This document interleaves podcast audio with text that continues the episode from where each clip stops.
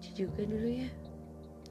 Waktu kamu nemenin aku beli barang di PRJ Terus pas malam takbiran kamu minta temenin potong rambut.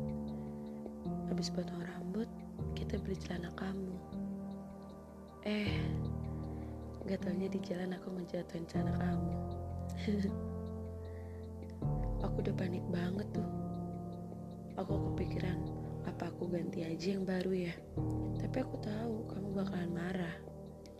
Hasil kita cari dan kita balik lagi ke tempat barbershop. Alhamdulillah Celananya ada di warung nasi goreng di sebelah barbershop. Hari ke hari Kamu mulai rajin ngabarin aku. Mulai send foto kamu lagi kumpul bareng teman-teman kampus kamu. Sampai kamu ngabarin hal-hal kecil yang padahal aku gak minta sama sekali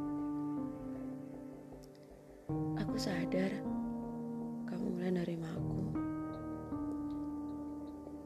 Tapi entah kenapa itu membuat aku jadi dilema. Antara aku harus senang atau aku harus sedih. Kita berjalan dari sepasang sahabat. Aku takut ketika ada status baru di antara kita membuat kita gak sebaik dulu kode-kode dari hari ke hari benar-benar ngebuat kita makin dekat. Di mana ada aku di situ ada kamu. Bahkan kalau aku bilang aku di tongkrongan kamu pasti langsung datang.